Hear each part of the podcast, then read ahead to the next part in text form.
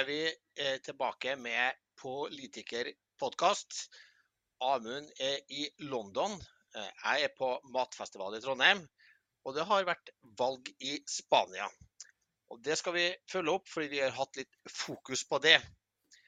Og Jeg sitter her med en god venn som kjenner deler av spansk historie godt, nemlig Jostein Moen. Eh, vi skal snakke om at eh, separatistpartiene nå avgjør hvem som blir statsminister i Spania. Eller om det blir omvalg sent i høst eller på nyåret. Men vi skal også snakke om eh, hvorfor fotball, kunst, mat og ikke minst hvordan borgerkrigen, fascisme og diktatur under Franco fortsatt preger Catalonia, spansk politikk for øvrig og ikke minst det politiske eh, samfunnet i Spania. Aller først en kort oppsummering av ståa i Spania akkurat nå.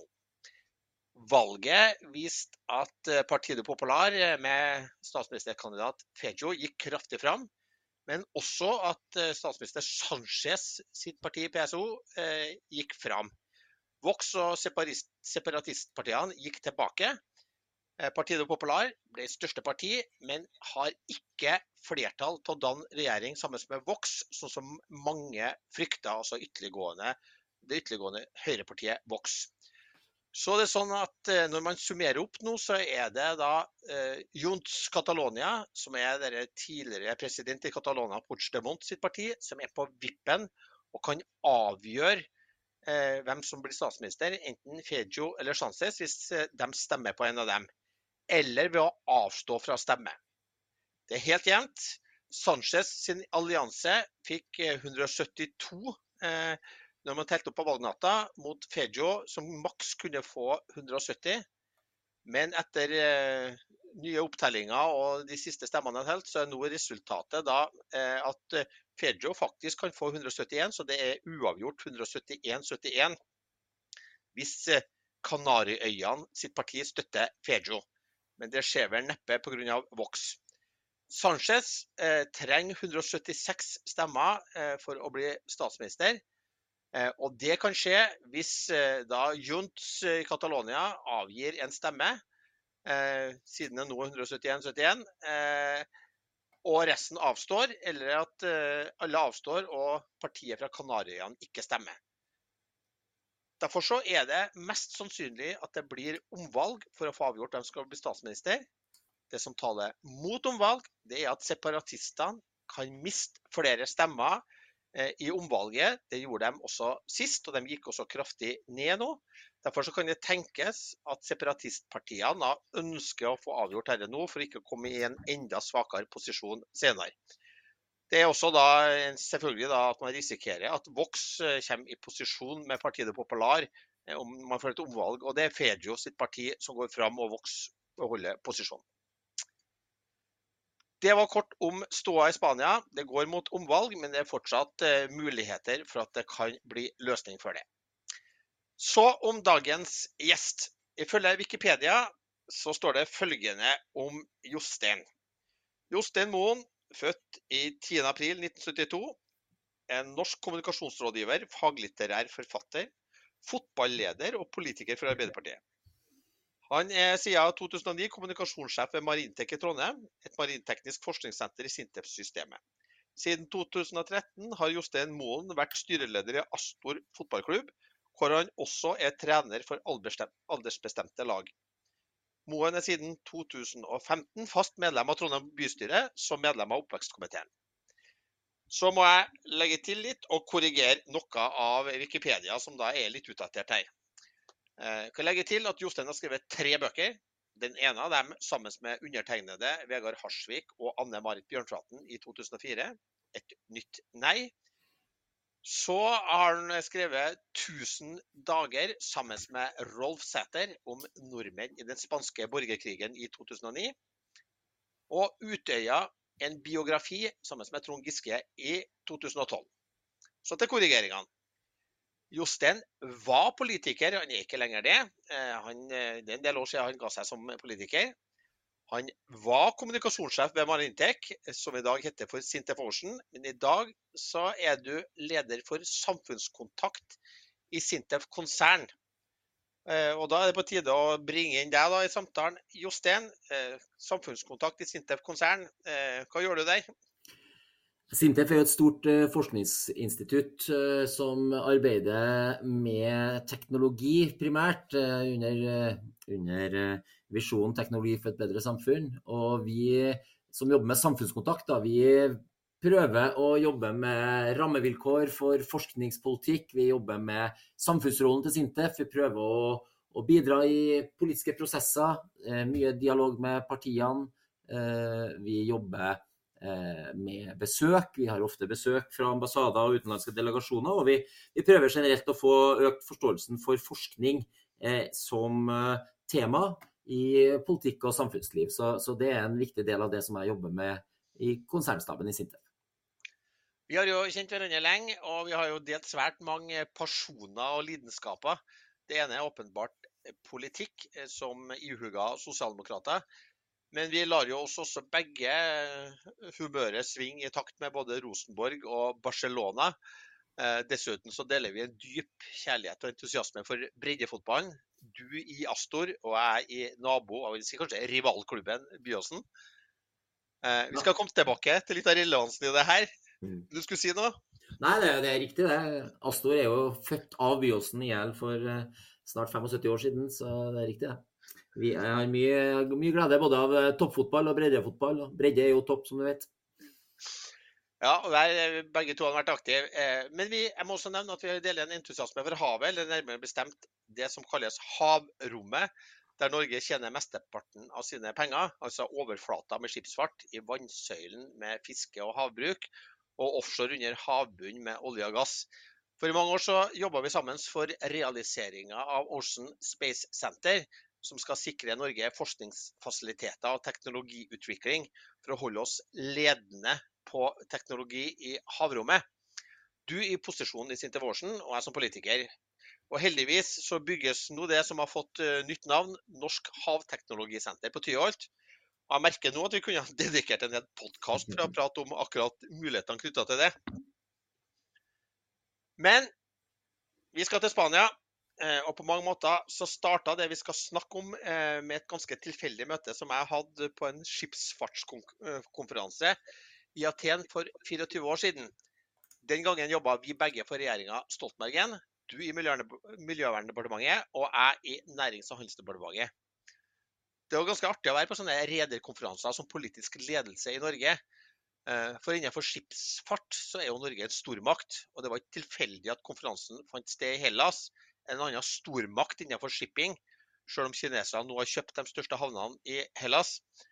Eh, fra Norge så deltok også administrerende direktør i Rederiforbundet den gang, Rolf Sæther, som jeg vil beskrive som en særs kunnskapsrik, klok og mektig samfunnsaktør i Norge, han var vel også styreleder i Folketrygdfondet den gangen. En hyggelig og distingvert høyremann, vil jeg vel også tro. Mm. Eh, og I løpet av en middag der så oppdaga jeg at Rolf Sæther delte samme interesse for den spanske borgerkrigen som deg, Jostein.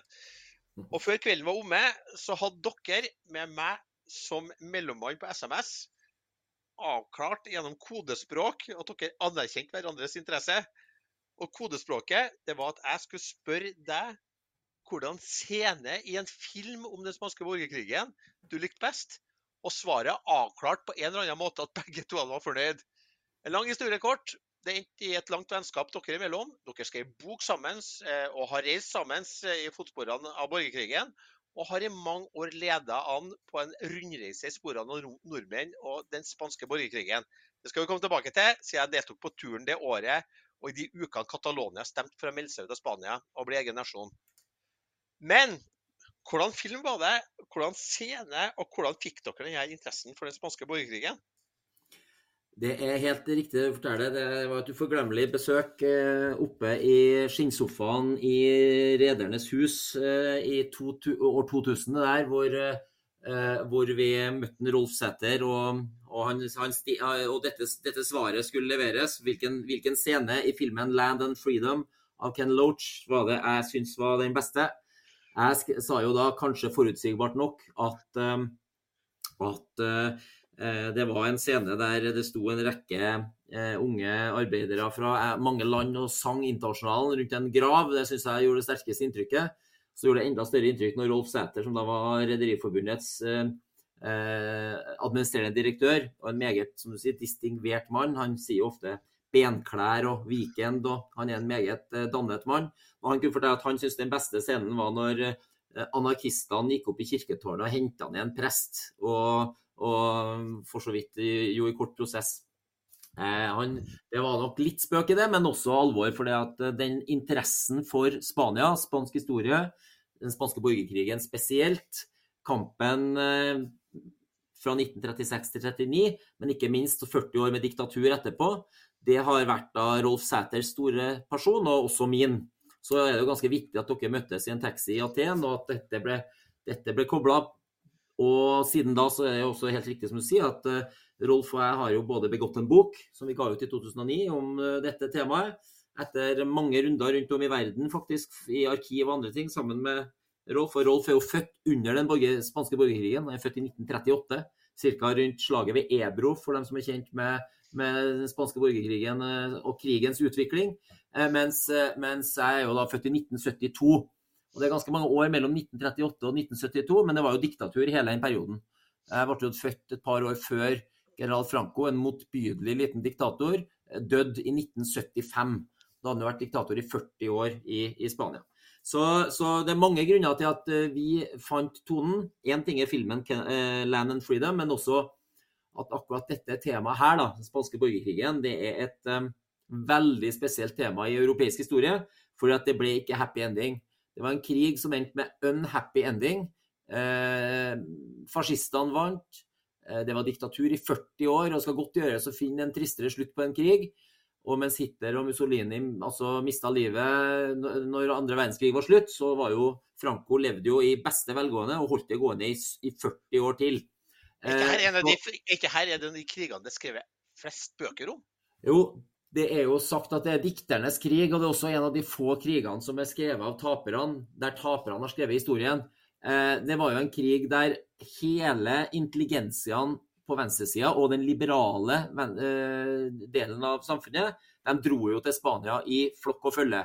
Hemingway, eh, Nordahl Grieg, Pablo Neruda, altså Det er så mange kunstnere som dro. Eh, du har selvfølgelig Pablo Picassos Guernica. Du har, du har kunst og kultur som ble laga under borgerkrigen som en del av propagandaen mot Hitler, Hitler Mussolini og, og Franco. Og som sagt så ble det jo ikke happy ending for demokratiet, for det ble 40 års diktatur. Og Det gjorde at uh, for folk som en Rolf, da, som ble født i 1938 og vokste opp på 60-tallet, var ungdom på, på, på 50-60-tallet, eh, så var Spania et veldig spesielt land, for det var et diktatur der.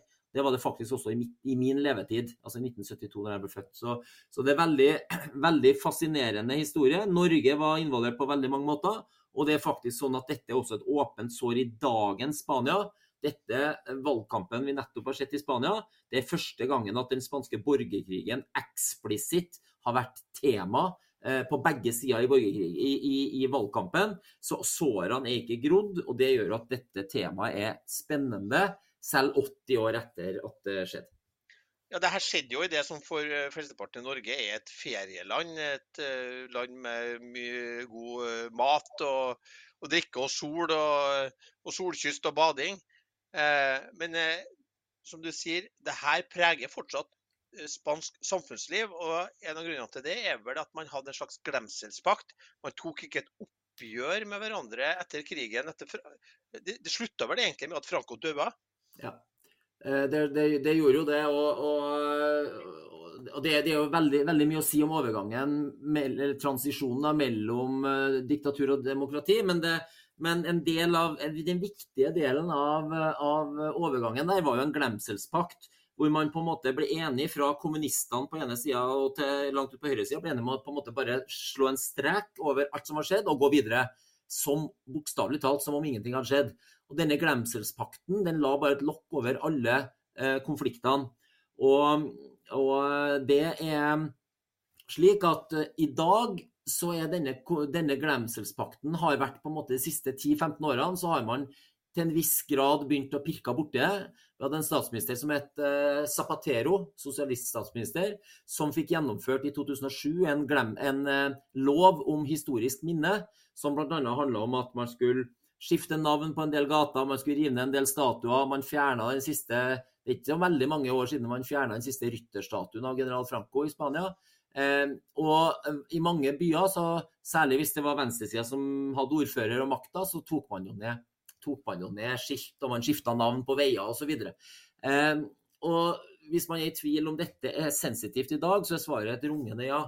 Eh, blant annet fordi at ifølge Amnesty International så er det bare eh, Kambodsja som har flere eh, forsvunne og lik som ligger i bakken, som ingen vet hvor er, og så er Spania på nummer to i verden når det gjelder forsvunne. Det er over 100 000 ukjente graver med, med, mennesker som ble tatt livet av under borgerkrigen eller diktaturet, og som ikke er gravd opp enda.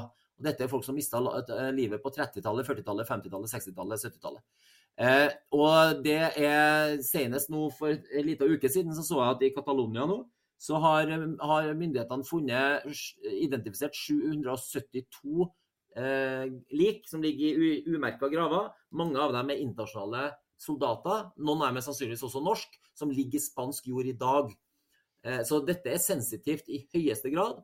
Og partiet Vox hadde jo faktisk bland, blanda inn kampen mot eh, denne loven her om det historiske minnet i sin valgkamp. Og snakka om, om, detaljer fra borgerkrigen som ingen har gjort siden Franco døde eh, i 1975. Så, så det, dette er sensitive greier. Og valget i Spania nå handler også om det demokratiske minnet, og om hva man skal gjøre med, eh, med historiske minner i Spania. Eh, det, valget er jo ikke avgjort ennå. Jeg tror at det blir omvalg. Igjen, eh, nytt valg. Og det er en av grunnene til at det er et uhyre spennende valg for dem som er interessert i, i rettferdighet for krigens tapere, kan du si, da, i borgerkrigen.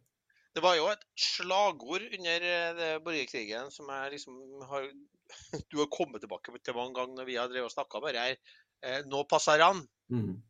Eh, og eh, ja, Du kan jo si først hva det er for noe, hva det, hva det betyr. Ja, Nå passer han betyr litt sånn eh, halvdirekte oversatt de skal ikke slippe gjennom.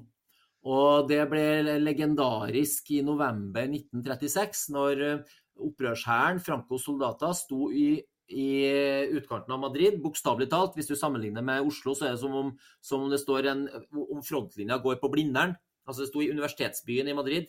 Tilsvarer om det er oppå, oppå Dragvoll i Trondheim, så sto fienden på Dragvoll og skulle ta byen. Eh, men de kom ikke gjennom linjene, eh, og Madrid ble da beleira. Eh, en av grunnene, og Dette er en av grunnene til at det blir laga mye legender og det er mye radikal nostalgi knytta til de internasjonale brigader. Men det var jo da takket være de første internasjonale brigader som kom gjennom eh, byen, og som var med og stoppa eh, opprørshæren på universitetsbyen i Madrid. Og I etterkant av det så har det hengt opp plakater over hele Madrid og etter hvert over hele Spania. Og over, etter hvert ble jo dette kjent i hele verden. For det var jo enormt mye journalister i Madrid på den tida der. Um, Hemingway var der og skrev både i norske aviser og andre.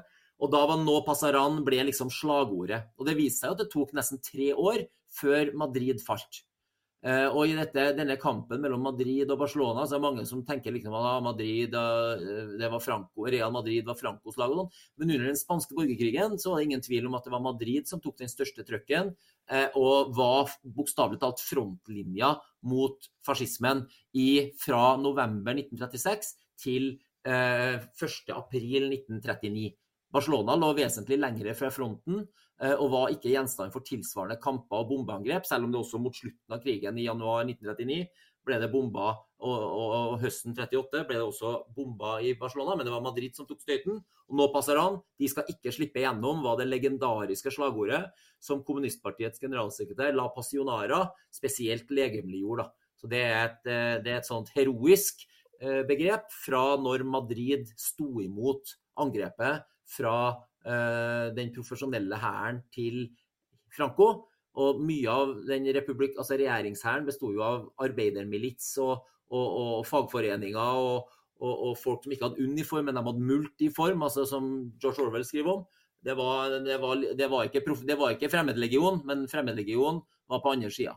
Sammen med tyske og italienske styrker etter hvert. Så det betyr nå passaran, og det er et veldig sånn følelsesmessig begrep som venstresida i Spania har brukt ved og det var, ja, det var poenget med spørsmålet mitt, for det var faktisk det de ropte på valgvaka nå til PSOE. Mm. Eh, det er retta mot Vox. Ja. Eh, når de da begeistra så at de hadde slått tilbake det som eh, den som har fulgt podkasten her videre, vil jo få med seg at det var, det var forventa at høyresida skulle vinne. Man frykta at du skulle få et flertall med Vox eh, og Partido Popular. Eh, og da ropte de noen passaran på mm. valgvaka, nå faktisk eh, da den 23. Eh, juli. Så det viser jo at det her lever fortsatt. Eh, men du snakka mye nå om eh, arbeiderhæren og at det er mange som har vært nedover. Du var jo også faktisk på besøk til Håkon Lie i forbindelse med interessen din for den spanske borgerkrigen. For Håkon Lie reiste jo også nedover til Spania. Ja, da, de, altså, Poenget de dro jo til Spania hele gjengen. Einar Gerhardsen dro til Spania og var midt nedi, nedi der det brant. Eh, Håkon Lie var en av de første som reiste. Mange andre Norge, norske. Ninja Haslund Gleditsch, Gerda Grepp, det var, det var Lise Lindbæk. Altså, dette, var, dette, dette, var, virkelig mobiliserende for venstresida og den liberale delen av, av samfunnet. og det er helt riktig. Håkon Lie, Jeg hadde gleden av å intervjue Håkon Lie eh, om dette i, i, 2001. Da tror jeg han var 97 år gammel. Det var, første gang han drakk kaffe. Det var jo første, første gangen du drakk kaffe. Det er faktisk jeg, har en litt artig kaffehistorie. for Det er helt riktig, aldri, som du vet, jeg har aldri drukket kaffe i hele mitt liv. Sagt nei hver gang. Men når vi kom hjem, jeg og en som heter Trond Eliassen, som er filmskaper og som har laga mye fine filmer siden, vi, hadde, vi skulle intervjue ham, og, og vi møtte ham hjemme på Ulvøya. Og da har jeg aldri møtt noen som var 97 år gammel. Og jeg har lest nok til å vite at Håkon Lie er en mann du skal ta på det store, største alvor. Så han, Håkon Lie, han, når vi satte oss i sofaen hans der på Ulvøya, så det første han sa, var med ganske sånn streng stemme sånn 'Kaffe, gutter!' Og da var det ikke, hadde ikke, tenkte jeg skulle spørre om nei, har du en cola eller har du noe annet. Så, så, vi, så vi, vi, jeg takka ja til den, til den, kaffen og drakk den kaffen, og så intervjua vi den. Tre timer. Det var ganske interessant, fordi at første timen så villeda han oss. Helt åpenbart. Uh, han han eh, huska ingenting, og han ville egentlig ikke si noen ting. Og vi trodde at OK, dette ble jo en ordentlig fiasko. Men etter en ca. en time så slo han seg på lårene. Da altså mannen 97 år gammel, så slo han seg på lårene og sa nei da. Jeg husker jo, husker jo det her, vet du. Jeg skulle bare sjekke hva som var agendaen deres. Så nå vi starter på nytt igjen. Still spørsmålene på nytt. Og så stilte vi spørsmålene, og da huska han jo selvfølgelig alt. Fra når han da dro fra Norge i desember 1936. Det var veldig tidlig. Det var knapt noen andre nordmenn som hadde dratt til Spania da. Krigen brøt ut i juli 1936, og de internasjonale brigadene hadde akkurat blitt etablert, så det var nesten ingen nordmenn, kanskje bare en liten håndfull som hadde dratt. Håkon Lie var så forbanna. Han var han var daglig leder i enmannsbedriften AOF, Arbeidernes opplysningsforbund. Så han var så forbanna på at hjelpearbeidet gikk så tregt, så han tok med seg to store sånne bøtter med jod og masse andre ting, og så dro han til Spania sjøl. Og det å dra til Spania den gangen det er ikke som, det, Du hopper ikke på noen Norwegian direktelinje fra Oslo da, men han dro da til Spania, kom til Madrid eh, til Barcelona, Han fløy da inn i Spania kom til Madrid og var da ute ved fronten i universitetsbyen sammen med disse spanske, disse spanske eh, toppfolkene, forsvarerne av Madrid. og han, han, ble da veldig skeptisk til kommunismen, fortalte han, fordi han så hvordan eh, kommunistpartiet eh, drev litt undergraving. Og, det var ikke bare bare, det var tøffe kamper mellom høyre- og venstresida, også på venstresida. Og det, det, han, det, gjorde veldig inntrykk på han. Han skriver mye om det i boka si 'Loftsrydding', en av de fantastiske biografiene hans. Og med en gang han kom hjem, sa han, så var han, så, han var jo egentlig den var jo så antimilitaristisk. Men med en gang han kom hjem, så tok han flytimer, for han tenkte at nå må, vi, nå må vi passe oss, fordi at fascismen kommer til å komme til Norge. Og han tok flytimer på Bogstadvannet, og han var plutselig veldig for væpning. Han var lyn forbanna. Han reiste Norge rundt og holdt foredrag og viste filmer og bilder og sånn. Eh, og glemte aldri det der. Eh, og det gjorde veldig sterkt inntrykk på, på, Håkon Lie. Det var helt formativt for han faktisk, den turen til Spania. Det samme sier jo Einar Gerhardsen. Um, men det som var litt artig, var at når vi dro da, etter tre timer, han, han mimra tilbake. og det, Bare det å sitte og høre en 97 år gammel mann som Dette var i 2001. Uh, det er en, en 97 år gammel mann som, um, som uh, mimrer tilbake mm. til, til 9. april. Og fortalte, Han hadde også sånne litt sånn røverhistorier om, om 9. Uh, april. og Vi dro til Nybergsund, og da måtte vi dit, og, og, og bombene falt og sånt. Det gjorde ganske sterkt inntrykk. Eh, og så når han avslutta, eh, så ble vi jo ganske gode venner, egentlig. Og han ga oss hvert sitt eksemplar av, av boka si, 'Loftsrydding'. Og i boka til meg skrev han 'Hold fram som du stevner', Håkon. Eh, og så når vi, når vi, dro da fra Ulvøya og takka for intervjuet og sånn, så, så, hadde vi en liten prat om eh, valget. For Arbeiderpartiet hadde jo akkurat eh, gjort et, et, et eh, ganske svakt valg, 24 eh, Og da sukka han. Hva har de gjort med huset vi bygde? Eh, og jeg nevnte det der til, til en forfatter uh, ja. som skrev en veldig god biografi om Håkon Lie, og jeg tror jeg kom inn enten som en fotnote eller i, i, i, i den boka. For det, hva har de gjort med huset vi bygde, var en ganske sånn episk kommentar. Men han var en fantastisk eh, fyr, og han var altså i Spania, og han brant fryktelig for Spania. Og han hata Franco. Og han og Einar Gerhardsen, som etter andre verdenskrig styrte Norge, det var bl.a. dem som sørga for at Spania aldri ble med i Nato så lenge Franco levde. Eh, de, eh, de tilga dem aldri. Og, og Rune Gerhardsen, som dessverre har gått bort, som også var en fantastisk mann, som vi snakka mye med om denne Spania-saken, han fortalte det, en rørende historie om Verna, altså mora og Einar faren. Far Einar Gerhardsen var jo han var i Oslo Arbeiderparti og dro da til Spania og var med på et eh, møte i det spanske parlamentet i 1938, mens krigen pågikk. Og det spanske parlamentet møttes i skjul i Catalonia, eh, fordi at de folkevalgte var jo bare lempa ut av, av, eh, pga. krigen. Og det gjorde et enormt inntrykk på han, og han hadde alltid en drøm om å komme tilbake til Spania sammen med Verna. For han ble helt bergtatt av landet, selvfølgelig. og han, det gjorde veldig sterkt inntrykk på Einar Gerhardsen og det han opplevde. Og han hadde en plan om å ta med Gerd, eh, Verna tilbake, men aldri i verden om han skulle ta med eh, Verna tilbake før Franco var død. Og så døde jo Verna før Franco var død, så det ble aldri noe av det. Eh, og det han hadde, samme, han hadde egentlig Gerhardsen hadde samme policy som Pablo Picasso, som malte bildet Guernica. Og så Det bildet skulle aldri tilbake til Spania før Franco døde. Og det, det, det løftet holdt han jo. Guernica kom til spansk jord fra USA først etter at Franco var død. Men bare et lite stikkord som du nevnte i forbindelse med Håkon som hata Franco, men også ble skeptisk til kommunismen. For litt av årsaken til at man tapte borgerkrigen, var vel at eh, eh de som da støtta den demokratisk valgte regjeringa, også begynte å krige seg imellom. Ja, og det er jo, en, altså, det er jo helt klart en, en, av årsakene til at krigen ble tapt. Det var jo at det var veldig stor splittelse på venstresida, eh, på regjeringssida. Det var jo en var en folkefrontregjering i 1936. Ehm, eh, kommunistene var veldig svake. De hadde nesten ikke parlamentsmedlemmer i valget i 36. De ble jo sterke fordi at eh, de eneste som sendte våpen til den lovlig valgte regjeringa, var jo Stalin og Mexico til en viss grad. Ellers så alle, alle demokratiene valgte jo det som heter for en non-intervensjonspolitikk. Og Den ble styrt av en konservativ lord fra London, og hele Vest-Europa slutta seg til denne. Det betyr bare at vi skulle la ting skje som det skjedde. Mens eh, Hitler sendte 10 000 soldater og topp utstyr, og, og Mussolini sendte 70 000 soldater, så, så, skulle det liksom være ulovlig å reise til Spania, det skulle være ulovlig å sende våpen til Spania. Den lovlig valgte regjeringa.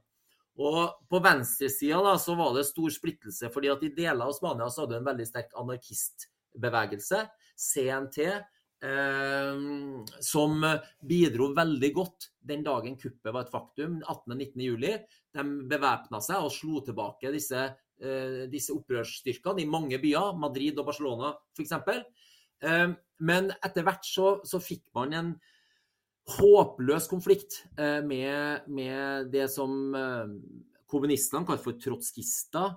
Eh, og noen av dem var jo trotskister, og, og, dette er jo ironisk nok, mens Leo Trotskij satt jo på en bondegård på Hønefoss på et tidspunkt her. Så det er jo historien Det er jo helt utrolig. Og en av de nordmennene som reiste ned, og som var på en måte på som bidro på Trotskijs side, da, kan du si, det var jo faktisk Willy Brandt. Som av alle også befant seg i Norge, den, den senere tyske rikskansleren. Han dro jo til Spania. Og han opplevde jo maidagene 1937 på nært hold. Og det var da det var borgerkrig i borgerkrigen. Da var det full smell i Barcelona mellom regjeringsstyrkene, som da var styrt av sosialister og kommunister, mot arbeidermilits og et lite, litt obskurt parti, som Håkon Lie skriver mye om i sin bok, POUM. Det er et slags ytre venstrekommunistisk parti som både Willy Brandt og Håkon Lie skriver mye om. Han sier at de var utrolig intelligente, men de var ganske livsfjerne. de ville ha revolusjon først, og så skulle de vinne krigen. Mens kommunistene og sosialistene ville vinne krigen først, og så fikk vi ta det andre etterpå. Og en av, en av konsekvensene, Dette er jo skrevet best i kanskje den morsomste, beste boka om den spanske borgerkrigen som er skrevet. George Orwell, 'Homage to Catalonia', fins også på norsk i en liten utgave fra 75 på Pax. 'Hyllest til Catalonia'. Han, Orwell rota seg jo inn i den militsen der. Han skulle egentlig, Det var ikke helt planen, men han havna nå inn der, da. Og da dro de opp til Huesca oppe, oppe ja, nord for Saragossa der. Og der hadde de egentlig alle muligheter til å ta denne byen Huesca, som det skrives sånn, men Catalonia sier Osca. De hadde omringa denne byen på, på, alle kanter, bortsett fra én liten GE. Og, og, eh, altså, bortsett fra en, ett hjørne, og alle trodde at de skulle lykkes. Dette var, dette var anarkistmilitsen. De klarte ikke å ta disse byene, og de lå da på disse haugene med partiflaggene sine og kom ikke i gang. Og Det er en av grunnene, sier mange, da, til at de ikke klarte å vinne kampene i den delen av Spania, var at dette var ikke en hær, men det var arbeidermilits. Der det var ikke hilseplikt, det var ikke, det var ikke eh, Det var vanlig med allmøte før man skulle gå til angrep. Og på andre sida så lå det superprofesjonelle soldater, støtta av tyske eh, soldater, lært opp av folk fra Fremmedlegionen og sånn. Så sånn der, litt sånn demokratisk arbeidermilits var ingen god idé.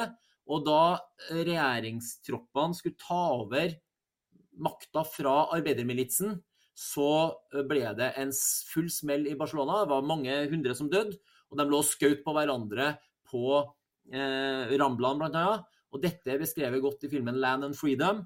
Og det er også beskrevet godt i 'Hyllest til Catalonia'. Og når man, leser, når man ser de to, så høres det ut som det er den lovlig valgte regjeringa av Madrid som er det slemme. De er slemmere enn Franco, fordi at de undertrykte arbeidermilitsen.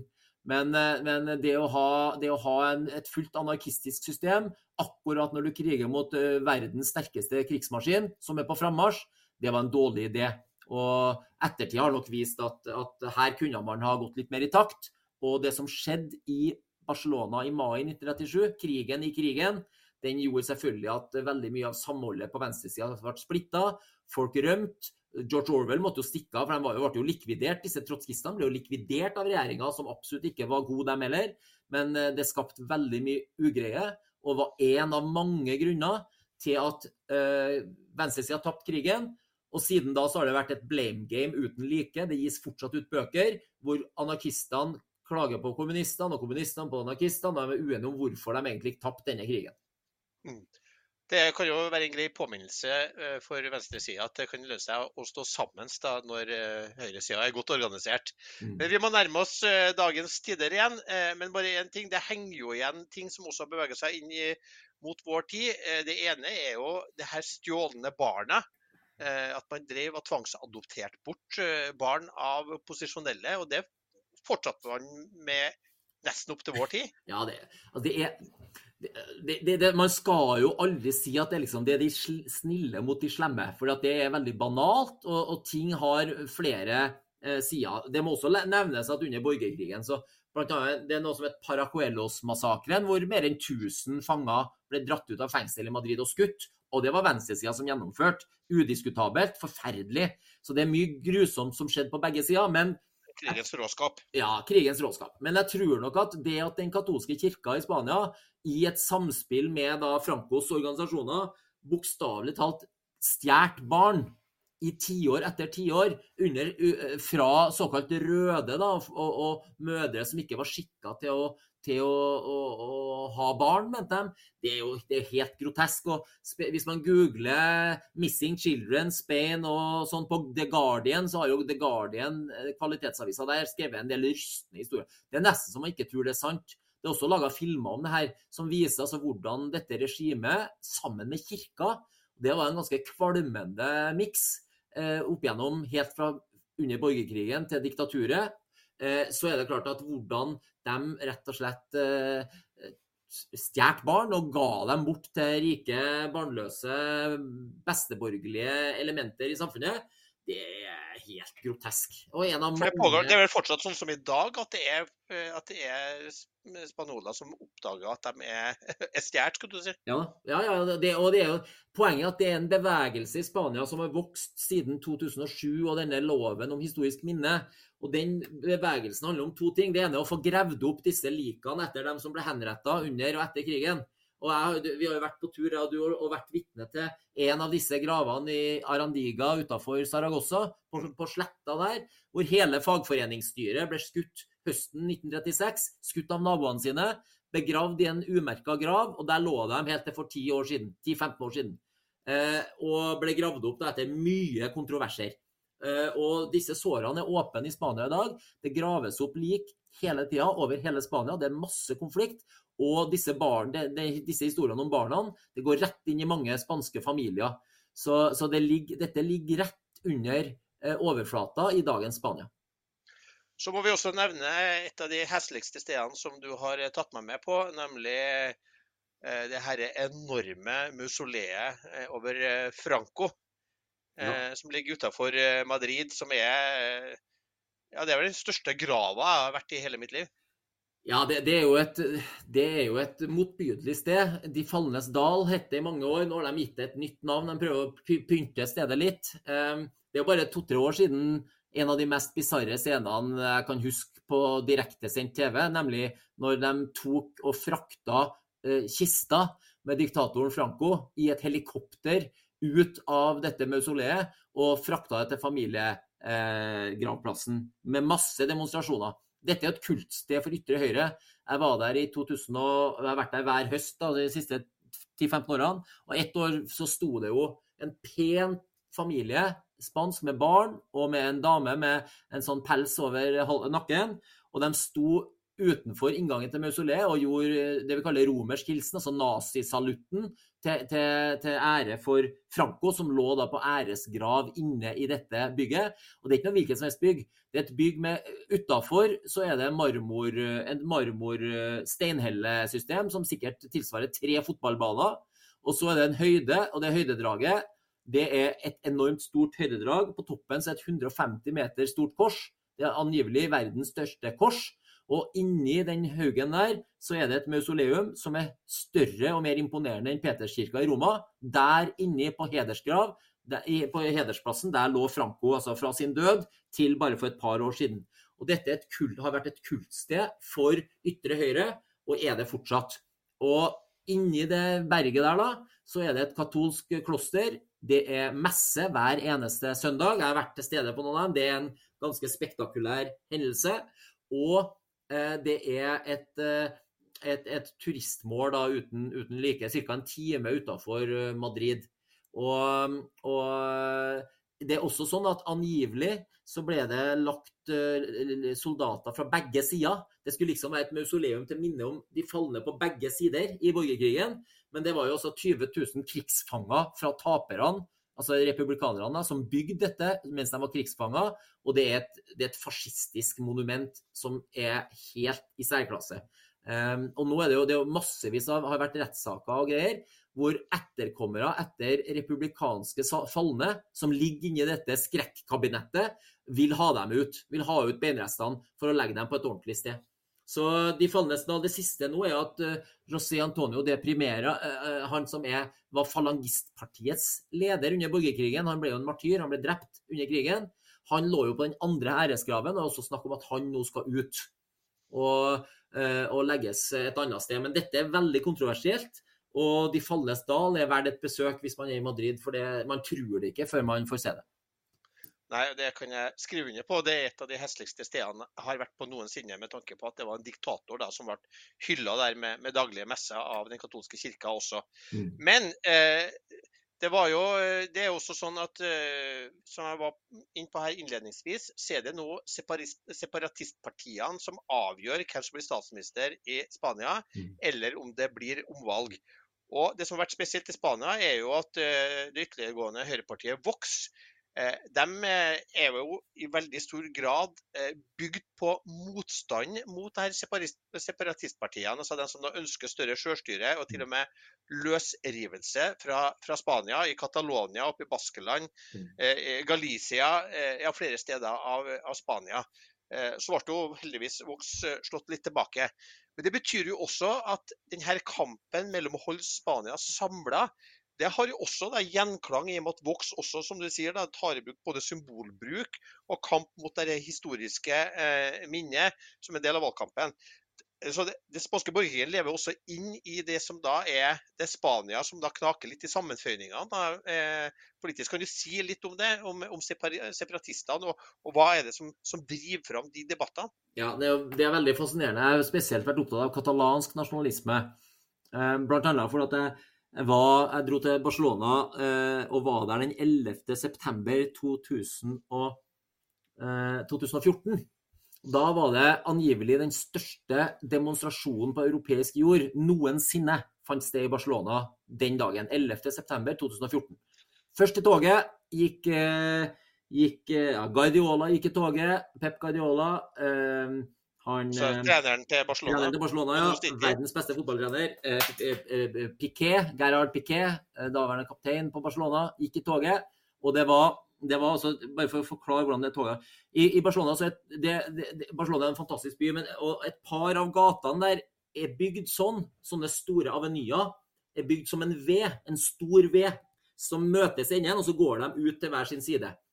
Og planen med denne demonstrasjonen, som jeg og en kamerat for så vidt deltok i, for vi syntes det var så, så festlig, det var De kledde opp alle Det var flere millioner angivelig som, som deltok.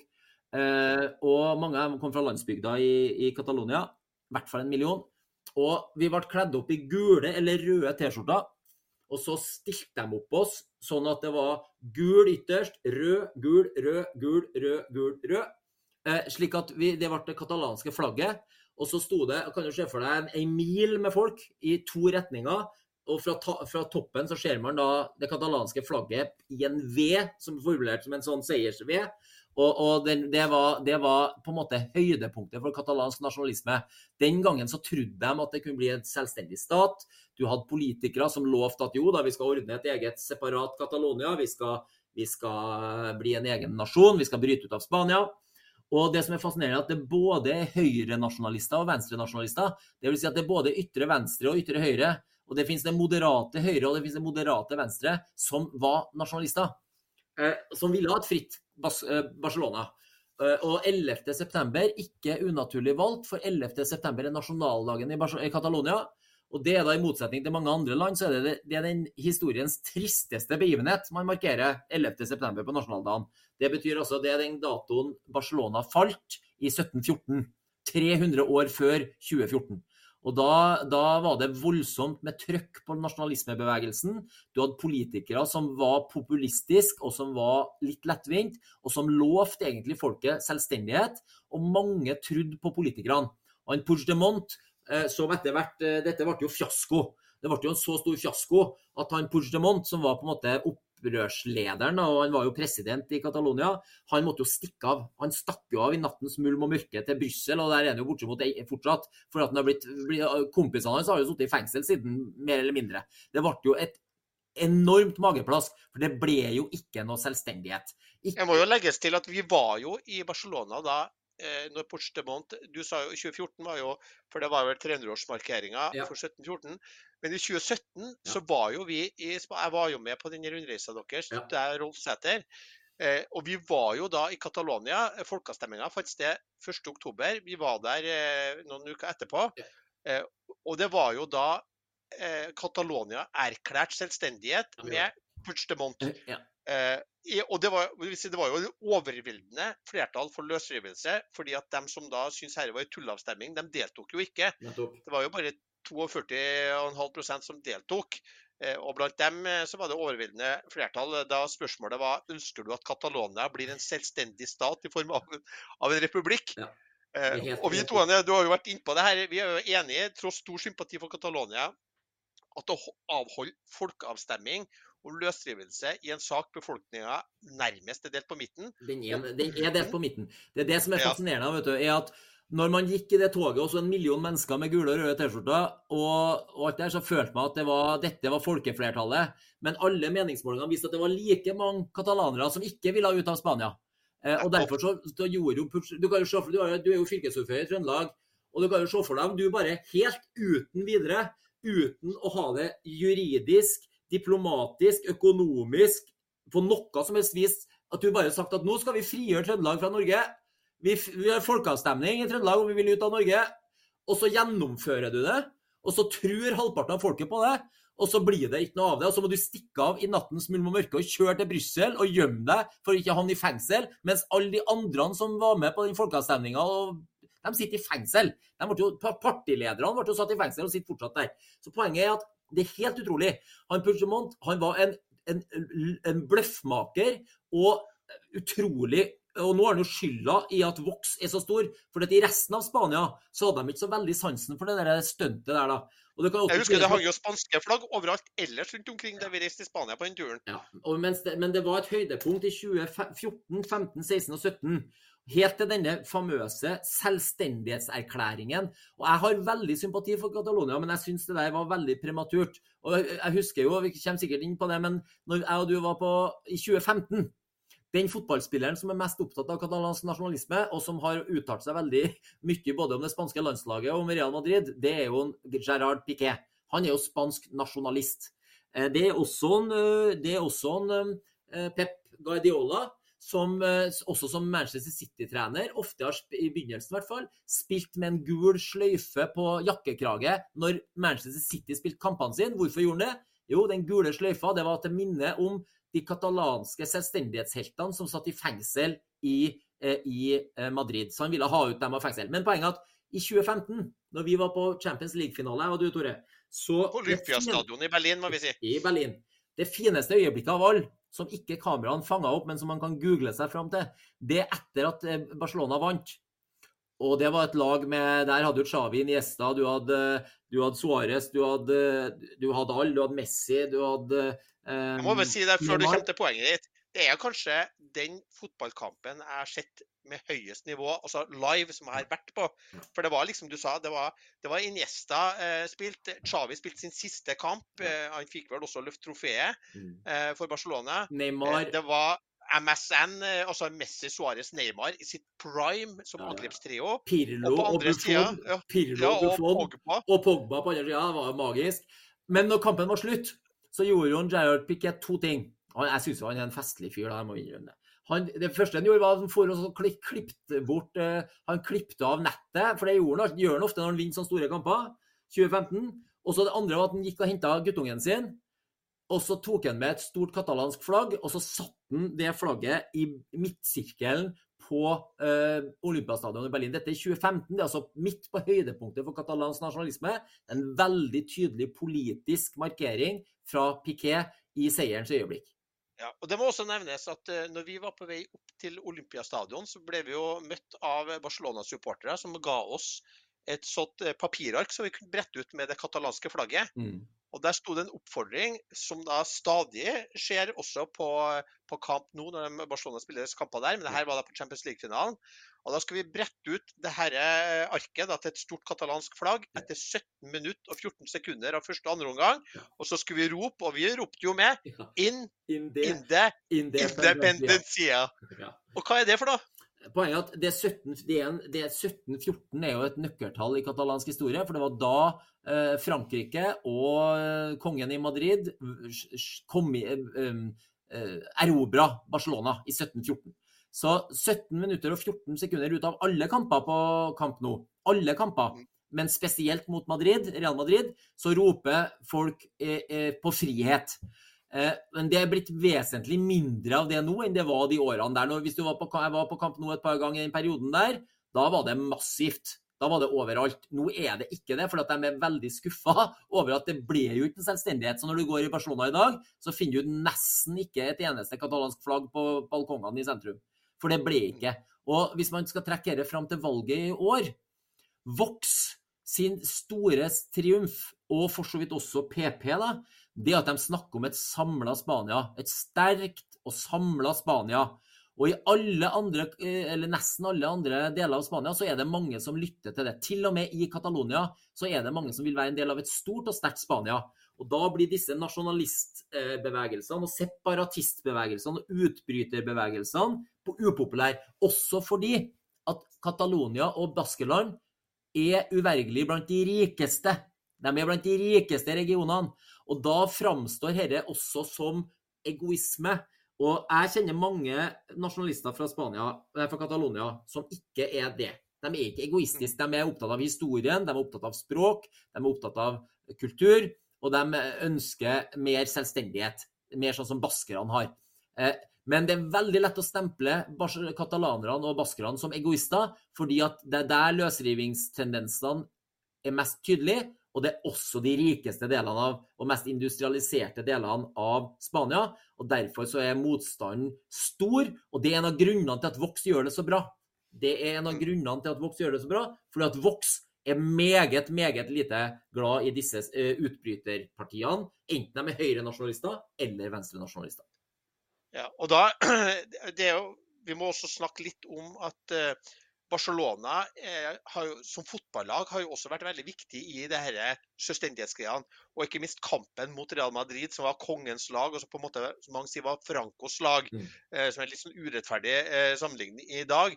Men det har også vært en del av det trykkene der. Og jeg merker jo det at sjøl eh, Messi, når han spilte for, eh, for, Barcelona, ropte jo ut etter sånn intervju på, på stadion sånn Visca Barca, Visca Catalonia. Mm. Eh, kan du si litt om det? Ja. Barcelona sin Barcelona eh, er jo på en måte har jo vært kjent som mer enn en klubb. Det er jo, det er jo slagordet til, til, til, Barcelona, FC Barcelona. Og, og eh, katalanisme har vært en viktig del av, av, eh, av, klubben. Og i 2014 og 2015 så hadde de jo ei trøye som da var det katalanske flagget. Gul og rød med fire røde striper på gul bakgrunn. Og det er det stadig vekk. Andre- eller tredjedrakten til Barcelona er stadig vekk det katalanske flagget. Eh, så dem, dem, og, og, Laporta, som er president nå, han har jo vært politiker. Og han er kjent for å være eh, en, en eh, litt sånn katalansk selvstendighetsmann, på en måte. Så, og mange av dem er det. Og Catalonia Barcelona er jo, en, er jo på en måte en hovedstad uten land. Og, og det finnes jo folk som sier liksom at hvis Catalonia har en hær, så er det FC Barcelona. Eh, fordi at eh, man har, Selv om det er mye utenlandske spillere der, noen som kanskje ikke er så opptatt av det, her, så har de hatt sånn som en Piquet og Guardiola og andre katalanere som har vært opptatt av dette. Og, og rivaliseringa mot Madrid den er jo legendarisk. El Clásico det var jo en El Clásico for ikke så lenge siden når Barcelona vant 3-0. De var heldige med det resultatet, men, men, men lell. Det er helt spesielle kamper. Og motstand mot Madrid stikker veldig dypt i Barcelona. Men kanskje kan du si at Trondheim, Bergen og Oslo, der er det også rivalisering. Og, og det er noe spesielt når Vålerenga møter Brann eller Rosenborg. Men, men det, det, dette toppes jo av, av, Barcelona, som har en rolle i det katalanske samfunnet. Det er stoltheten deres. Og det har i en periode, i hvert fall 2009, 2010, 2011, så var det jo verdenshistoriens kanskje beste fotballag. Eh, og, og, det er veldig mye interessant knytta til fotball og identitet i Spania. Det er en veldig viktig del av fotballen er nettopp det med identitet. Og Barcelona er viktig for katalansk identitet. Da. De har vel også et katalansk landslag? Ja, de har, og de har jo et steinbra katalansk landslag eh, når de mønstrer de beste spillerne sine. Eh, så, så, fotballen er veldig sånn politisk i i, i Spania. Og, og, FC Barcelona er et symbol på, på katalansk storhet, da, og har vært det i mange år. og Derfor er man så redd nå for at det skal gå åt skogen. Men de er kanskje på vei opp nå under Xavi, som forhåpentligvis kan få det til. Så eh, bare for å dra herre litt sammen også til dagens situasjon, så er jo det, hvis man i dag leser eh, spanske aviser knytta til den politiske situasjonen, så er det faktisk Puigdemont, altså den derre som vi oppfatter som en politisk tusseladd, som da gjennomførte selvstendighetserklæring, folkeavstemning, og så stakk av eh, til til Brussel. Det er faktisk han som nå står i sentrum, i og med at det er han som er kingmaker, eller som kommer til å medføre at det blir et, et omvalg. Mm. Og Puigdemont uh, han var jo da uh, Han rømte jo til, til Brussel og ble siden også valgt inn i Europaparlamentet. Har da hevda immunitet som europaparlamentariker. Men nå, rett før valget, så slo jo da, jeg tror det var, måtte ha vært EU-domstolen fast, at han ikke hadde eh, immunitetsbeskyttelse, eh, fordi det her var hendelser som foregikk før han ble europaparlamentariker. Mm. Og dermed så er det nå da åpent for at eh, Spania kan kreve da Puigdemont utlevert fra Belgia. Eh, og da stilt eh, til ansvar i Spania for det de mener han har gjort. Mm. Og det er jo en del av de tingene som er i del av det politiske spillet nå. Ja. Der jeg ser både Sanchez og Fejo har erklært at det er grunnlovsstridig, altså konstitusjonelt ikke mulig å gi han amnesti. Mm. Sanchez ga vel amnesti til noen av de her politiske opprørerne fra, fra 2017. Eh, men det er jo faktisk det som er høyaktuell nå Spania-politikk her ja. i dag. Du, ja, det er jo ei, det er jo ei politisk gjørme uten like. Og, og, generelt sett så har jo sosialistpartiet, PSOE, alltid vært litt mildere stemt mot mot eh, disse, nasjonalist, disse eh, nasjonalistbevegelsene, både i Baskeland og i Catalonia, enn eh, en høyrepartiene. Og Hvis man ser på kartet i dag, hvor det, hvor det, er rødt, så er det jo stort sett blått i hele Spania. altså er Rødt oppe i Catalonia og rødt oppe i eh, Baskeland, eller andre partier som er størst. Så, så, så, det, det, ligger, så, det, så, det, har nok vært en policy, eller en linje om at venstresida, PSO, har vært softere. og det er jo helt utrolig at Puigdemont Eh, en på en måte på vippen, og, og, og at Sanchez må ha støtte fra Puigdemont for å sikre flertallet. Han vil selge seg dyrt. Han, eh, han har nesten ingenting å, å tape. Og Puigdemont er på alle måter en usikker støttespiller. Og Det du nevnte om fengsel må huske på at Det du kan kalle et slags SV da, oppe i Catalonia, venstrerepublikanerne de, Partilederen der var en veldig anerkjent kar.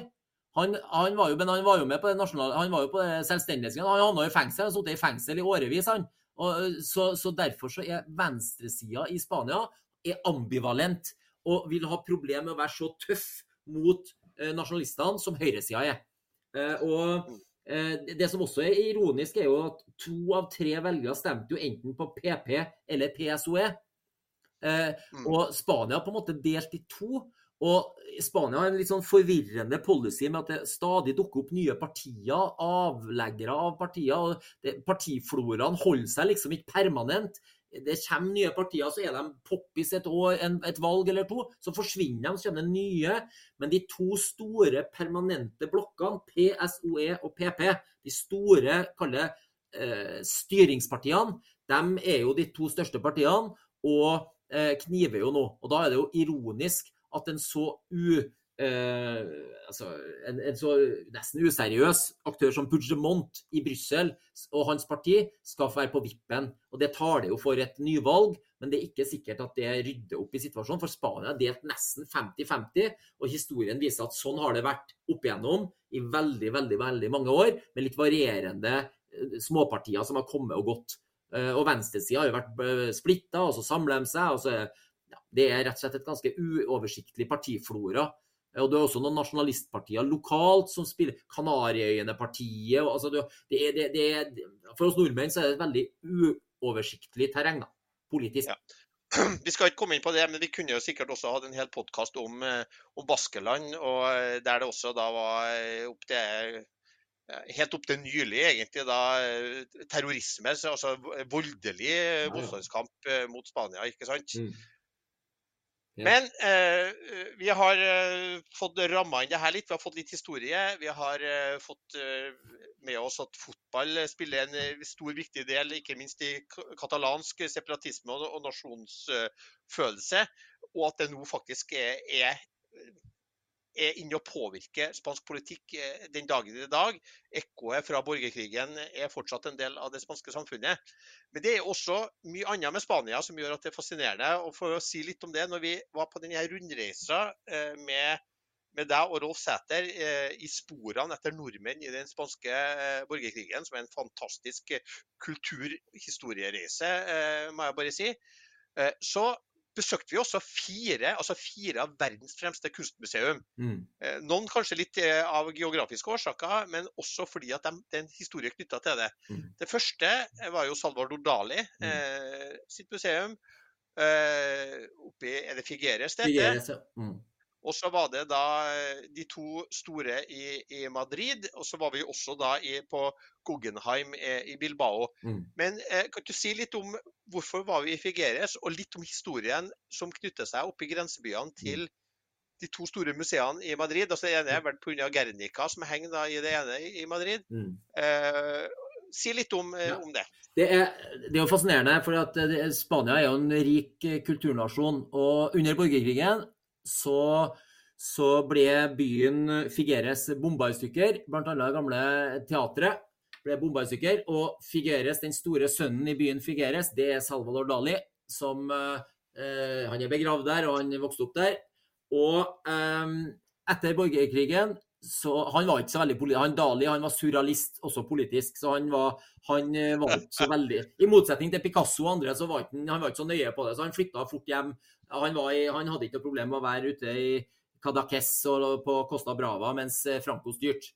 Eh, så politisk så var han jo litt eh, både òg. Men han, han, de bestemte seg for å lage det store Dali-museet i verden. Det skulle være i det utbomba teatret i hans hjemby. Vegg i vegg med kirka der han konfirmerte seg osv. Og, og det er jo blitt verdens største surrealistiske objekt. Og det er helt surrealistisk, selvfølgelig. Og nederst i en krypt der så ligger jo Salvador Dali. Det er bare noen få år siden en, jeg tror det var en spåkone som påsto at hun hadde, uh, at hadde fått barn med noe sånt, så han måtte graves opp. Og så viste det seg at det var ikke rett likevel. Så det, det, er surrealisme på alle nivå. Det er et fantastisk sted. Et av de mest besøkte museene i Spania. Uh, det er Salvador Dali-museet i Figueres. Jeg bare legger til at Det er et fantastisk eh, museum å besøke som anbefales virkelig for den som er i de trakter. Eh, eh, en ting er noe kunsten inni det, men selve museet er jo et kunstverk også. Et surrealistisk kunstverk. Ja, ja, Hvis man googler, så ser man jo det, det helt det, På utsida så er det, det er masse sånne kyllinger, massevis av svære kyllinger, eller sånne bro, broilere som er gule broilere på rød vegg som er hengt opp rundt hele altså i kunstverk. Og, ja, Det er helt magisk. Utrolig stilig. Men bare et par hundre meter unna derfra så ligger jo en av Europas største festninger. Castel, eller eh, San Ferran-borgen, som er et enormt byggverk. og Det var jo det første stedet der de norske Spania-kjemperne kom, og det var det siste stedet der den spanske regjeringa var før de gikk til fots over fjellene når krigen var tapt. Og i skogen ovom der så var det faktisk sånn at under borgerkrigen så var man så redd for de fantastiske kunstverkene som befant seg på Prado. Fordi at ita, tyske fly bomba eh, Madrid. Prado, det er museet i Prado, Prado-museet ja, Prado er jo verdens kanskje et av verdens absolutt fremste kunstmuseum av klassisk kunst. Og eh, veldig mange av de kunstverkene som var der, var man redd for, for at det, det museet ble bomba i stykker. Og på det tidspunktet så var Pablo Picasso han satt i Frankrike, men han var gjort til direktør av Prado eh, som en slags sånn propagandasak fra regjeringa, mens Tyskland bomba eh, Madrid. Og eh, det som skjedde, var at eh, man fylte massevis av lastebiler med kunst, uvurderlige kunstgjenstander, og kjørte opp til Catalonia, i skogen rett attmed grensa like ved Figueres. og Der la de det i ei stor gruve, og der lå de til like før krigen var slutt. Og når krigen var tapt, så, så kjørte disse lastebilene fra denne gruva ved den franske grensa kjørte de til Genéve. Eh, for de skulle reddes eh, unna bombene og skulle ikke til Franco. Det ble jo en stor propagandaseier for Franco med en gang krigen var vunnet. For han påsto at de røde hadde stjålet disse kunstverkene, så de måtte jo da tas ned fra, fra Genéve og sendes tilbake igjen. Men de henger jo nå da i Prado og er jo blant verdens flotteste kunstverk. Og Det andre museet i Madrid som er spesielt, det er jo Reina Sofia. Der henger jo eh, Picassos Guernica, originalen. Den ble jo malt eh, i løpet av noen uh, uker etter at eh, Picasso, spanske Picasso fikk høre om angrepet på den baskiske eh, på en måte hellige byen, eller den helt spesielle byen i Baskeland, med, med Eika, som er så viktig for baskerne. Eh, og eh, maleriet ble gitt til den spanske paviljongen under verdensutstillinga i Paris. Og med... bare si det med om Guernica. Må bare si ja. Det var der Hitler eh, da testa ut Kondor-legionen, eh, eller hva det heter? Var ikke det? Ja. Det er riktig. Tyske, tyske Stukas og, og, bombefly ble testa ut i den spanske borgerkrigen i stor skala, spesielt i, i de to byene Durango og Eh, og Guernica. De som leste Sølvpilen i gamle dager, husker jo Durango, for det var jo en by i Sølvpilen-bladet. Eh, men det er ikke like kjent som angrepet på Guernica, som, var, som ble en massakre på en forsvarsløs by, og som er den, som en helt spesiell by i baskisk eh, kultur og historie. Og Picasso ble så forbanna at han malte dette monumentale maleriet eh, Guernica. Eh, og det ble satt opp på verdensutstillinga i Paris i 1938. Og med en gang det var ferdig, med en gang den kunstutstillinga var over, eller verdensutstillinga var over, så 37, eh, kanskje? 37, ja. Så tok eh, sendte de det maleriet. Skulle ikke til Spania. Det ble sendt på en verdensomfattende turné. og Det første stoppestedet var Kunstnernes hus i Oslo. Guernica var altså tatt ned i Paris og sendt rett til Oslo. Og Der det ble satt opp vel i januar 1938. Og Så havna det på Metropolitan, Metropolitan Museum of Art i New York, og der hengte det til etter at Franco var død, og så havna det i Madrid. Og det tror man at, eh, eh, Hvis man tror at historien er ferdig der, så er den jo ikke det. For at baskerne de er jo ikke så glad i Madrid, og de syns jo det er en hån at Guernica ligger, eh, er satt opp i Madrid. De vil jo ha det til, eh, til Bilbao, eller kanskje til Guernica. Eh, slik at den diskusjonen går jo, men det ser ut som at av hensyn til maleriets Eh, på en måte eh, altså, av, hensyn til maleriet. Det tåler ikke flere reiser. Det er rett og slett, det, Da revner det, det er i hvert fall det som sies. og Derfor så ser det ut som det kanskje blir i Madrid, dette maleriet. Og Guggenheim-museet er jo helt magisk oppe i Bilbao, som også ikke har noe direkte relevans for borgerkrigen. Det er et veldig fint maleri om borgerkrigen der, men det har ikke annet å gjøre der enn at eh, det er et helt magisk bygg som man må få med seg når man er i de trakter. Ja. Frank Gehry som har eh, tegna det, den kjente arkitekten. så det er fantastisk. Men jeg må bare si det, legge til om, om Guernica at eh, når det hang på verdensutstillinga, så hang det faktisk et norsk kunstverk ved siden av Gernika. Nemlig da Hanna Ryggen eh, fra Ørlandet, svensk, da, men gifta inn til Ørlandet. Eh, sitt vevde teppe 'Etiopieren'. Det hang ved siden av Guernica. Og det var eh, faktisk også sånn at eh, etioperen ble sensurert. fordi at på etioperen så er det et bilde av en etiopier da, som spidde hodet til eh, Mussolini. Og han og Ryggen var jo en sterk antifascistisk eh, eh, veverske og kunstner. Eh, og det, når da Italias offisielle delegasjon skulle besøke da verdensutstillinga, så ble det mm. av diplomatiske årsaker bretta inn den kanten Mm. med Mussolini som da spiddes av doperen. Eh, og det eh, teppet kan man nå da se i, her på, i, i, Trondheim. Det henger da i Kunstindustrimuseet i, i Trondheim, eh, det mm. bildet av, av Hanna Ryggen. Hanna Ryggen ble også aktuell fordi at eh, et av hennes eh, vevde teppet hang jo i regjeringskvartalet eh, under terroraksjonen i, i 2011 og ble litt skada, men da er vel da rehabilitert. Altså, at jorden er en stjerne, eller hva det heter. Mm. bare for å legge til én ting til om Hanna Rygge. Altså, hun bodde jo i en liten stue ytterst på Ørlandet Trøndelag, på Trøndelagskysten. Og for å, kan bruke som et eksempel på hvordan bølgeslagene fra den spanske borgerkrigen bokstavelig talt slo inn over den norske kysten.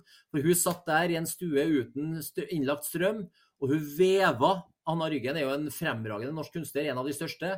Hun veva to kunstverk, store, monumentale vevkunstverk av, eh, om den spanske borgerkrigen. Det ene heter Gru. Eh, og Det viser altså en person som sitter i et bygg som er bomba i stykker, og som holder hendene rundt hodet. Gru heter det. Og det andre heter La Hora se aproxima. Timen er kommet. Og det er, det er nesten et norsk Guernica. Der ser du Franco, der ser du en døende eh, republikansk soldat. Du ser fascister, du ser republikanere. Og det, det satt altså jord i 1938 i stua si på Ørlandet. Så satt hun og vevde disse kunstverkene mot Franco og borgerkrigen i Spania, og viser eh, nettopp hvordan engasjementet var enormt for republikkens sak, til og med ytterst på Ørlandet i, på Trøndelagskysten. Vi skal ta også begynne å runde av, men vi må også komme litt innom at for de fleste nordmenn så er jo Spania etter hvert blitt et solfylt reisemål og et reisemål til, til store byer for å nyte god mat og, og drikke. Eh, og du er jo så ofte i Spania, hvert år med rundreise med en Rossæter, og hvert år på sommerferie i Barcelona.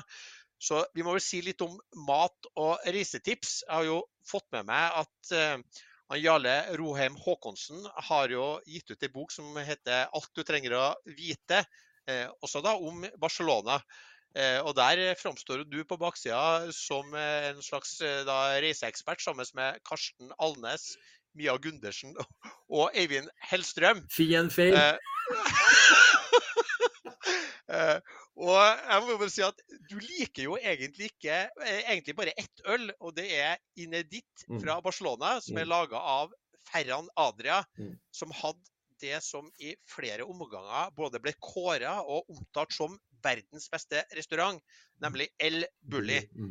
Eh, den eh, stengte den i 2011. Jeg tror rett og slett han klarte ikke å tjene penger på den. Men han gjenåpna den som museum nå da i 2020, eh, men ikke som, som, restaurant. Den ligger litt nord for Barcelona ved kysten. Mm. Ikke som den unna Figueres.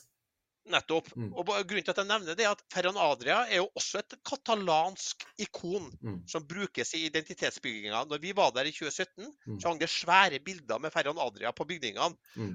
Og han er eh, bestekompis med Pep Guardiola. Mm. Og det sies at når Pep Guardiola da fundert på nye måter å forfine spillet til Barcelona på, da han var trener der, og ikke fikk sove i frustrasjon, så hendte at han ringte den Ferran Adria. Mm. Og så dro de da sammen til restauranten hans, der han gikk og henta en flaske med eh, sikkert veldig god vin. Mm og satt da utover netteren og prata sammen om eh, alt mulig rart. For at Guardiola skulle klargjøre hodet til å finne på nye måter å utvikle da, fotball på. Mm. Men hele Catalonia er jo god mat. Så hva foretrekker du å spise, og hva spiser du når du hver sommer er på, på reise der? Det, altså, som jeg nevnte tidligere, Barcelona er jo egentlig en hovedstad uten land, og, og, er jo en fantastisk by av mange grunner. En ting er at de har et veldig godt fotballag der, men du har arkitektur, du har, eh, du har, historie, du har eh, flotte bygninger og sånn, og så har du strand. Og det, hvis du tenker etter hvor mange europeiske storbyer som har ordentlig strand i byen Du kan bare spasere fra hovedgata og til stranda, eh, så vil du finne at det er ganske få. Overraskende få, vil jeg si. Eh, mange byer er bygd litt unna stranda, men etter OL i 1992 så har Barcelona åpna fronten mot sjøen og Derfor så har det blitt eh, en badeby også, i tillegg til, til alt det andre. Eh, men, men når, du, når, det gjelder kultur og, og, og, mat, så er det klart at eh, det er ubegrensa med muligheter. Jeg, bruker, jeg, får ganske ofte sånn tips da, eller henvendelser fra folk som skal til Barcelona om jeg har noen tips. og da Jeg har laga en sånn standardpakke på ti punkt som jeg sender til dem sånn copy-paste. Eh, og Så får de nå prøve de tingene de ønsker. Men hovedtipset er å tilbringe mest mulig tid i gamlebyen bare i Gotik, altså den gotiske delen av, av byen, eller, eller Elborn mer spesifikt, som er en del av gamlebyen som er rundt Havets katedral, som er da en fin roman. Det finnes også en Netflix-serie som heter Havets katedral, veldig bra. Eh, og, og, i det området der så får du veldig mye av de beste spiseplassene. Du får masse butikker som ikke er kjedebutikker. Du får veldig mye bra barer på Passeig del Born f.eks., eh, som er i middelalderdelen av Barcelona. Eh, fantastisk. Og det, den er endeløst stor, den gamle byen. og Det er ikke noen biler der nesten. og Det er, det er trangt og det er veldig veldig mye bra plasser. Og så er jeg veldig glad i, jeg veldig glad i havneområdet. Det gamle havnekvartalet, eller havnelageret fra 1881. Stor, stor rød bygning som er veldig synlig der nede i, i havna. Eh, fem minutter fra stranda og fem minutter fra hovedveien eller hovedgata, Ramblan. Jeg er ikke så begeistra for La Rambla, jeg syns den er litt oppskrytt. og Det er litt sånn som Karl Johan. Du, du, opplever ikke Oslo ved å tilbringe hele tida på Karl Johan. Eh, sånn er det i Barcelona. Du, du, bør styre unna. Du kan gå én tur opp eller ned eh, La Rambla, eller Ramblaene, for det er jo flere Ramblaer oppover der. Eh, men, men, så må du styre unna, gå til høyre og inn i gamlebyen. Men med stranda der, så ligger, med havna, så ligger 1881 eh, det havnekvartalet, kvarteret. Og der på toppen av den byggingen av havnelageret, så er det en fantastisk eh, terrasse. Det er den beste takterrassen i Barcelona, syns jeg. Hundrevis av kvadratmeter. Det er aldri noe mye folk der. fordi at man må gå litt sånn krøkkete for å komme seg opp. Men er, der er det fint å spise, der er det fint å drikke om kvelden, der er det god mat og lunsj. Eh, og man må gå inn i det katalanske museet, den, det historiske museet i Catalonia. Man må liksom gå inn hovedinngangen der, og så er det inn i heisen og på toppen. Og der er det praktfull utsikt. Utsikten er uslåelig, og det er veldig bra å sitte der. Kveldene er DJ, og det er god stemning, og det er solnedgang, og det er utsikt, og det er akkurat passe folk. Eh, passe med folk, og det går faktisk an å komme dit rett fra stranda med unger. Det, det er liksom ikke sånn hipsterplass som en del av de andre takterrassene i byen er. Så det anbefales veldig sterkt. 1881 eh, per Sagardi heter det, og det er lurt å bestille bord hvis man skal spise. Men det er alltid plass på den terrassen, og det skjønner ikke jeg er mulig. Men det er for at den er stor, og for at den er litt gjemt. Og så Det siste tipset er et sted langt oppe i byen, litt ovom eh, Plaza Catalonia, og opp i den store handlegata som heter Passei de Gracia. Der oppe så ser du jo de, noen av de beste byggene til eh, de beste byggene, modernistbygningene. Eh, men der er det også en gammel garasje, kommunal garasje, som er bygd om til en fantastisk mathall med sju utesteder, eller brasseri og eh, sjømat og sånn. Eh, det heter El Nacional BCN. El Nacional, og Det er en gammel kommunal garasje som er bygd om. og det Alt med det stedet er bare helt nydelig. Maten er fin, toalettene er kjempefine. Det er rett og slett fryktelig, fryktelig bra. Og Det er et par hundre meter ovom Plaza Catalonia, og alle plassene der serverer nydelig mat, og det ser ut som en million dollar. Så det anbefales utrolig fin omforming av en kommunal garasje. Du er jo, du er jo helt åpenbart eh, Catalonia-fantast. Eh, eh, men du liker jo egentlig baskisk tapas best, gjør du ikke? Jo, altså det er noe som heter pinchos. som er, det, er et veldig tilt... Baskerland San Sebastian er jo en annen fantastisk spansk by. Og som har veldig mye å by på, og som bokstavelig talt er Europas, eller i hvert fall Spanias, mathovedstad. Eh, det er vel der det tettest med sånn Michelin-stjerneplasser og alt mulig. og det, jeg, jeg, til, jeg, liker Baskeland veldig godt òg. Og de baskiske tapasene som heter pinchos. For det er et konsept hvor det er et tillitsbasert konsept. Hvor det altså står de herligste små um, retter på baren på disse plassene. Favorittstedet mitt er en, en baskisk, et baskisk kultursenter i Barcelona som heter Euskal Etskea. Eh, ligger like attmed Picasso-museet. Der står det altså fra klokka tolv om morgenen til tolv om kvelden så står det de herligste retter på baren, og med en tannpirker i. Og Du bare henter et fat, og så henter du det antallet sånne retter du vil ha. Så går du og setter deg. Og når du er ferdig, så leverer du inn tannpirkerne, og så betaler du. Og Det er en kjent sak at nordisk, skandinaver og engelskmenn bruker ofte å miste noen sånne tannpirkere før de betaler. Men uh, det er altså et tillitsbasert system. Fantastisk god mat. Og man ser rettene uh, og kan dermed spise nok og ikke for mye. Og det blir ikke noe igjen, det hiver ikke noe mat. Og det er utrolig bra. Så pinchos er jeg veldig glad i. Og Auskal Etskea i gamlebyen rett ved Havets katedral, det er det beste stedet å spise det på. Det anbefales veldig. Tusen takk for eh, en eh, god og lang samtale, eh, også da som vi runder av med noen reisetips. Og jeg håper vi har fått fram at veldig mye av det som kanskje folk kjenner til knytta til Barcelona, altså ikke minst fotballaget, det spiller også i dag en rolle i spansk politikk, akkurat i disse timer og dager hvor man nå skal avgjøre om hvem som blir statsminister i Spania og skal styre Spania de neste årene, eller om det blir et omvalg, er nøye knytta sammen til både da, eh, spansk separatisme, men ikke minst ekkoet fra borgerkrigen, som mm. Jostein Moen sammen med Rolf Sæther har skrevet ei veldig god bok om, som heter 1000 eh, dager eh, nordmenn i den spanske borgerkrigen. Ekkoet derifra, via Francos eh, diktaturvelde fram til 70-tallet, spiller fortsatt en rolle i spansk politikk.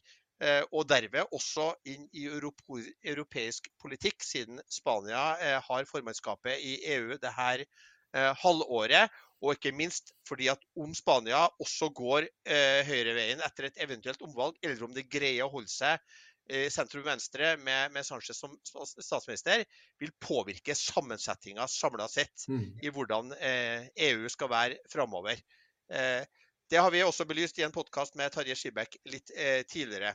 Så tusen takk, Jostein, for en lang og god samtale, eh, og fortsatt god sommer. Takk sjøl. Hei. Så vil eh, podkasten komme tilbake med nye episoder når Amund er tilbake fra London. Takk for nå.